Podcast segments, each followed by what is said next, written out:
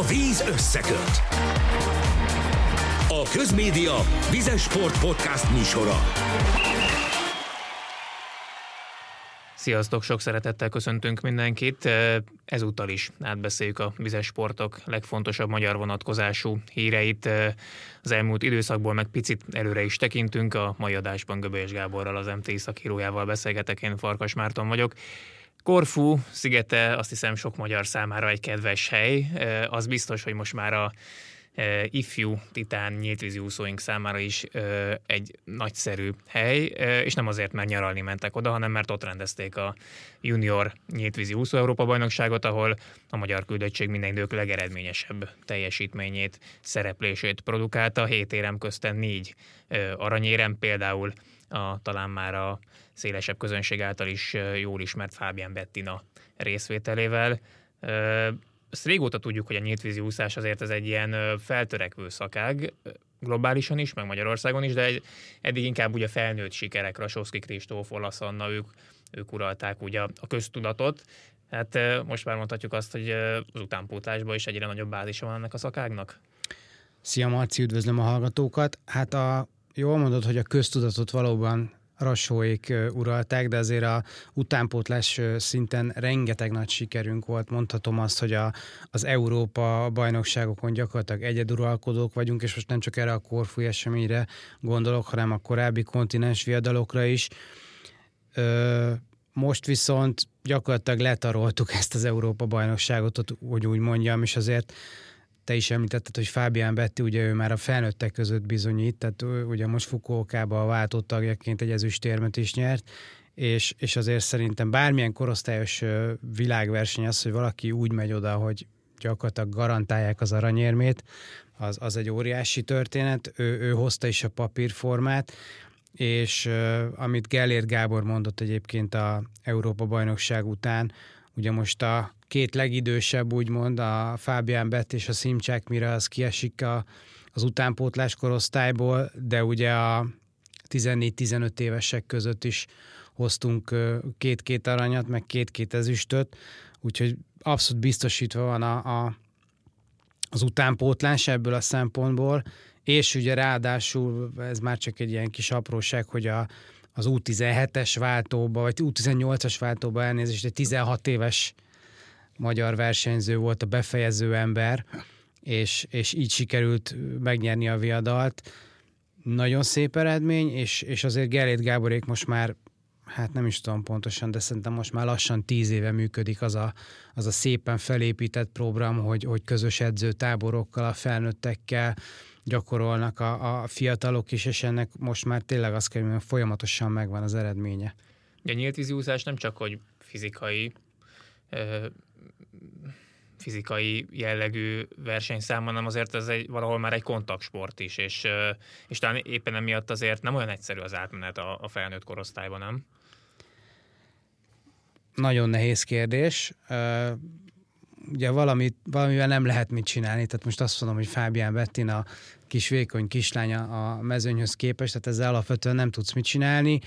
A magyar versenyzőkről általában elmondható egyébként, hogy nagyon jól úsznak, nagyon jól helyezkednek, a verekedésből próbálnak valamennyire kimaradni, de pont ugye Rasowski Kristóf volt az Fukuokában, aki az ezüstérménél 10 kilométeren bevallott, most egy kicsit előtt a, a boxolós sényét, mert ez kellett ahhoz, hogy odaérjen a dobogóra.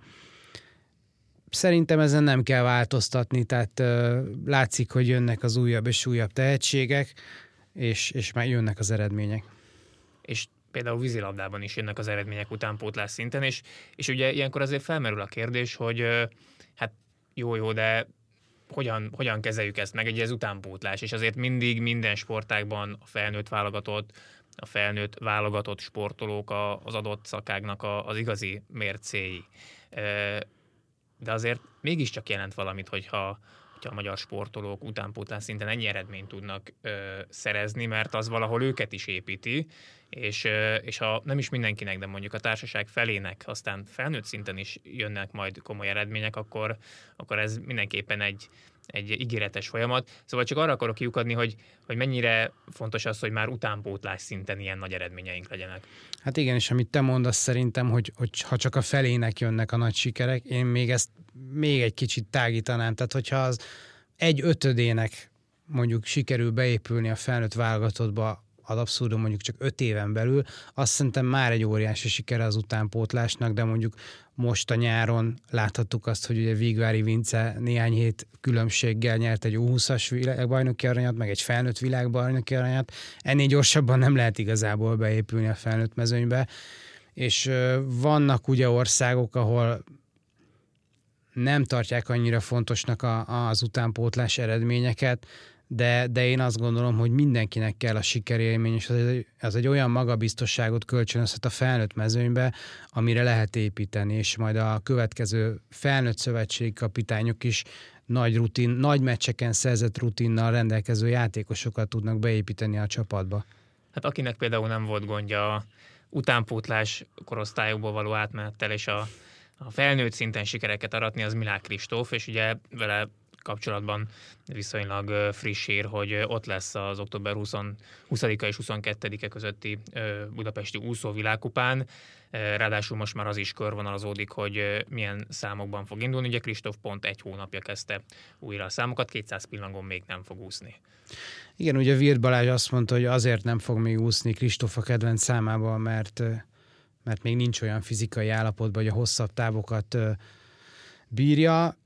Mm, nem annyira tudom azt, hogy most akkor mit várhatunk tőle, mert, mert ugye alapvetően ő nem egy ötvenes, meg nem százas típus, bár ugye száz pillangon ugye világbajnok, tehát azért nem mondom azt, hogy nem az a típus, de alapvetően ugye nem, nem azt szoktuk meg, hogy őt, őt a rövidebb távokon látjuk, és, és azt se tudom még egyelőre, hogy, hogy én mit várjak tőle, mert azért egy szurkoló, és most tényleg szurkolóként tekintek magamra, ha látom Milák Kristófot a vízbe, én azt várom, hogy majd ő elúszik, és akkor mögöttem néhány perccel beér mindenki a célba. Most szerintem egy kicsit finomabban kell ezt majd kezelni vele kapcsolatban, mert, mert tényleg egy több hónapos kihagyás után egy hónapja kezdte el az edzéseket. Szerintem minden szurkol, aki kilátogat a Duna arénába, és mondjuk érte látogat ki, annak, annak azt, ezt mind figyelembe kell venni, és örülni kell annak, hogy itt van Milák Kristóf, tényleg néhány hónappal az olimpia előtt újra, újra a medencébe láthatjuk őt, mert ez az első lépés neki most Párizs felé. Igen, szerintem nagyon fontos a kommunikáció, hogy ezt egyrészt Virt Balázsék is azért elmondják, meg, meg nyilván a őket körülvevő médiacsapat, új, újságírók, akik, akik picit jobban benne vannak ezzel, hogy, hogy tényleg itt most ne azt várjuk, hogy akkor egyből kiúra eredményei lesznek Kristófnak, mert egy ilyen pár hónapos leállás az, az iszonyat, iszonyat kemény, és ugye utána pont az első dolog, ami nem jön vissza, az, az a robbanékonyság. Tehát ugye állóképességet kell megalapozni, az iszonyat kemény munka, és hiába van évek óta hozzászokva az ilyen jellegű munkához Kristóf teste, meg szervezete, hát azért egy hosszabb leállás után az nem megy pöcre. Nem egy pöcre, de azért Kristófnál vigyázni ezekkel a kijelentésekkel. Tehát én nem hiszem a, a koronavírus idején, amivel ő is többször meggyújt a baja, utána az országos bajnokságon úgyhogy szintén kommunikálva volt, hogy nem annyira van top formában, úszott egy olyan időt, ami most nem emlékszem pontosan, de ilyen minden idők 12 13 ideje volt talán, 200 pillangon, tehát simán el tudom azt is képzelni, hogy, hogy egyszer csak durrant egy olyan időt, akár 50-en, akár 100-on, amire fel fogjuk kapni a fejünket. Legyen így, de mondom, én, én nagyon türelmes vagyok vele szemben. Hát az biztos, hogy a, a kiváló versenyzői attitűdje az sokat dobhat a mostani teljesítményén, főleg, hogyha egy szép számú közönség lesz majd, mert ő tényleg nagyon tud versenyezni. Sokszor elmondja, hogy ő nem egy edzésmenő, tehát őt edzésen nagyon sokszor Igen. megverik a többiek, megverik mások, csak amikor eljön a verseny, és föl kell állni a rajtkőre, és, és teljesen beszűkül a, a világ arra az egy pályára, meg 100-200 méterre, akkor viszont ő abban nagyon erős, hogy ott kihozza magából. Úgyhogy kíváncsian várhatjuk szerintem, hogy mire lesz képes, meg úgy ámlok a magyar úszócsapat, mert azért az utóbbi időben hát úgy több úszó kapcsán úgy voltak hírek, például Kapás Boglárka kapcsán is, hogy akkor most hogyan tovább, vagy, vagy mi lesz vele. Így van, és uh, ugye múlt héten beszélgettük Bitman Emil kollégánkkal, hogy, hogy most már a, a szövetség és a, a szövetség kapitány is kicsit úgymond bekeményítette a válogatott úszókkal kapcsolatba, akik uh, ugye ezen a hétvégén Berlinben kezdik meg a világkupa sorozatot, ugye Milák Kristóf csak a budapesti állomáson október 20 és 22-e között fog majd rajthoz állni.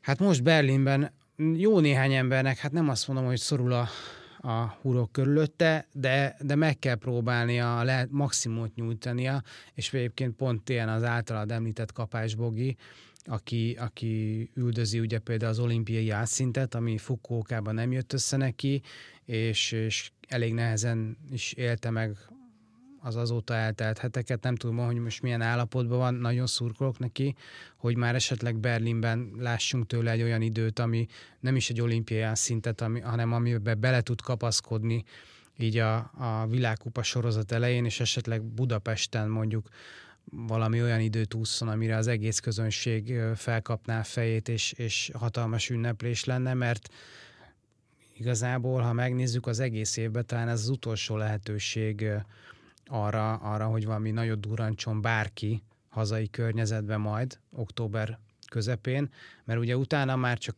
a világbajnokság lesz a következő nagy verseny. Hát mondhatjuk azt is, hogy olyan hozadéka is van ezeknek a történéseknek, hogy évközben így hétvégéről hétvégére is, is odafigyelhetünk az úszásra, és nem csak az van, hogy mondjuk nyáron egy Európa-bajnokság, egy világbajnokság, és egy hétre koncentrálódik a, az úszó versenyek fókusza. Hát ez a fajta ritmus, ez természetesen a vízilabdában hatványozottan benne van. Múlt hét elkezdődött, de kedden elkezdődött a férfi vízilabda bajnokok ligája főtáblája, szerdán pedig a Ferencváros is lejátszotta az első csoportmérkőzését. Nyéki Balázs együttese 9 hétre győzte le a Jadran Hercegnovit. Hát mindenképpen jó, hogy győztes a bemutatkozás. Te milyennek láttad, vagy érezted a, a kezdést?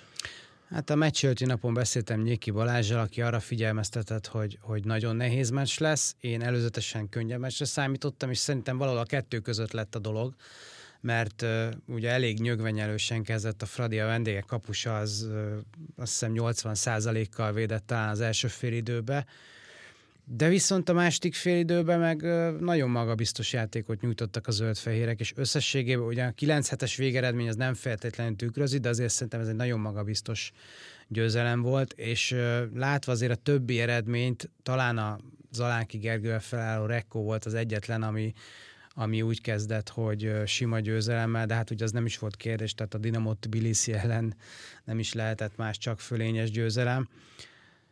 Úgyhogy itt, itt semmi másról nem szólt az egész, mint hogy győzelemmel kezdje a Fradi a sorozatot, és ugye szombaton már a Zvezda otthonában játszanak. Győzelem meg volt.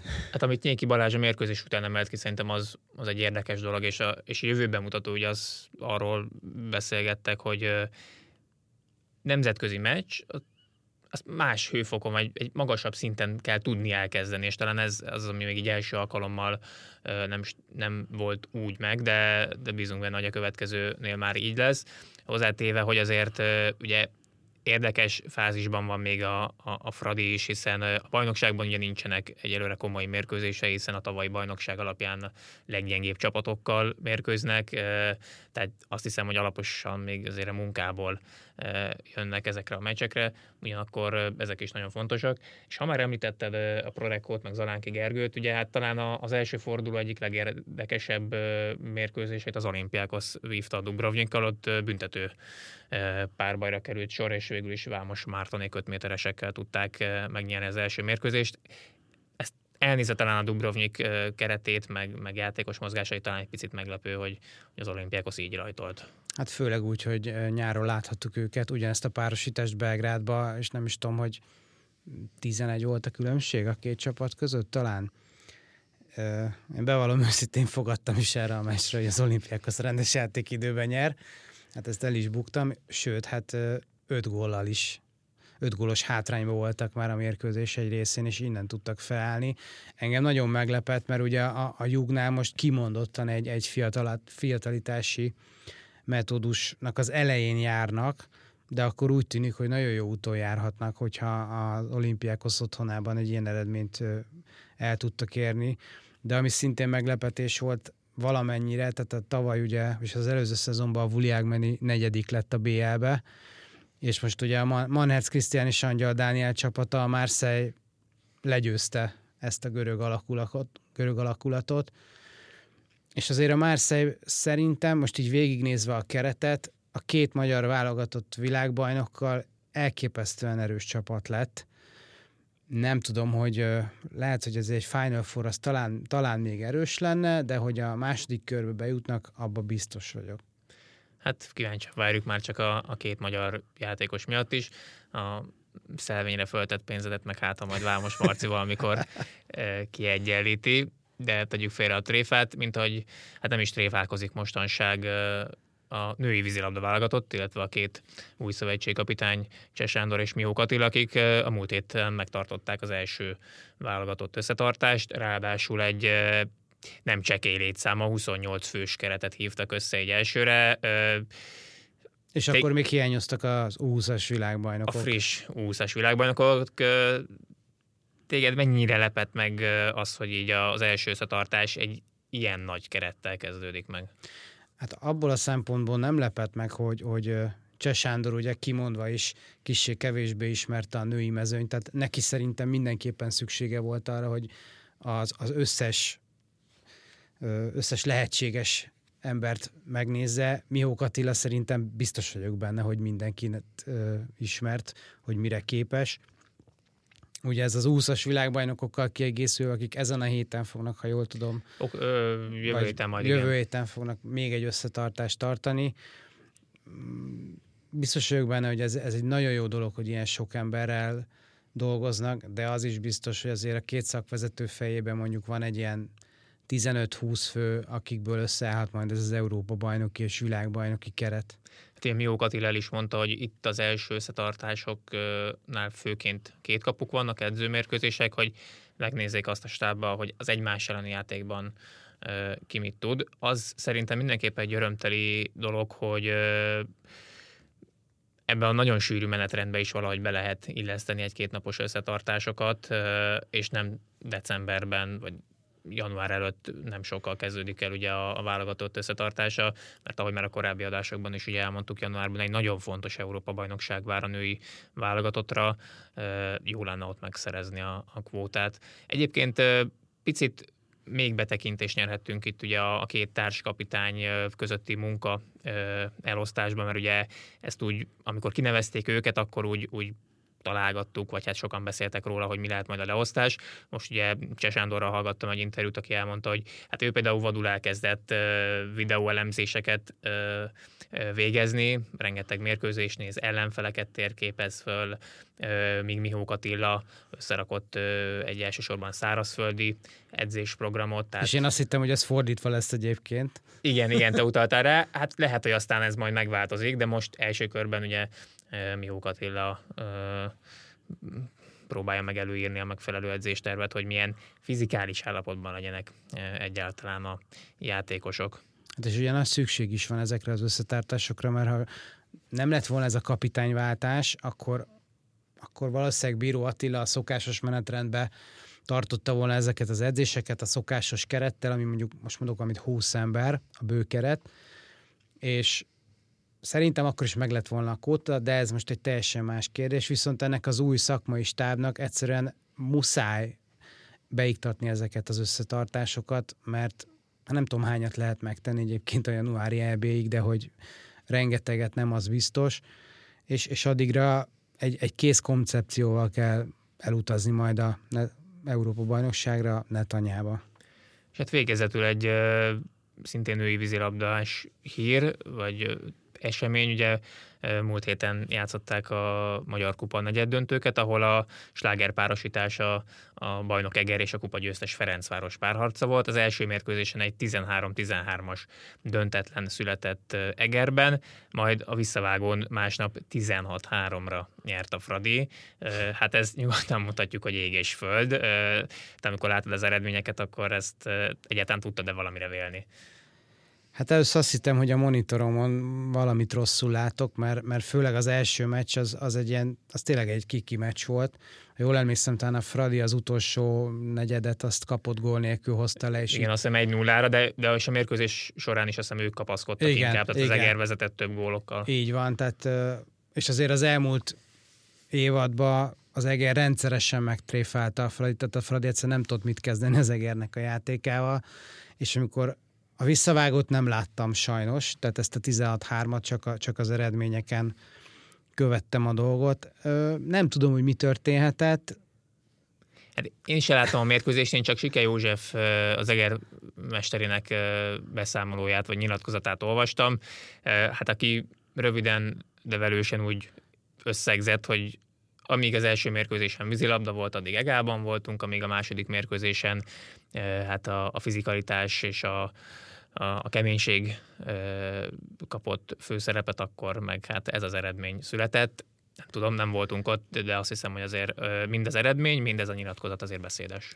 Igen, de azt gondolom, hogy ez így is történt, ahogy Sika József mondja, azért 16-3-as eredményt nem kell megmagyarázni a Ferencvárosnak, és nem kell ellenézést kérnie azért, hogyha esetleg túl keményen játszottak, mert nemzetközi szinten is fognak ilyenekkel, ilyen ellenfelekkel találkozni, és ugye ráadásul a két csapat egy csoportban szerepel a BL csoport körében is, ott is találkoznak majd, hát akkor az Egernek föl kell készülni ezekre a fizikális párharcokra. Hát izgalmas lesz a női vízilabda Magyar Kupa négyes döntője is. Mára ö, ezekkel a tartalmakkal készültünk, találkozzunk a jövő héten, és köszönjük, hogy minket hallgattatok. Sziasztok! Sziasztok!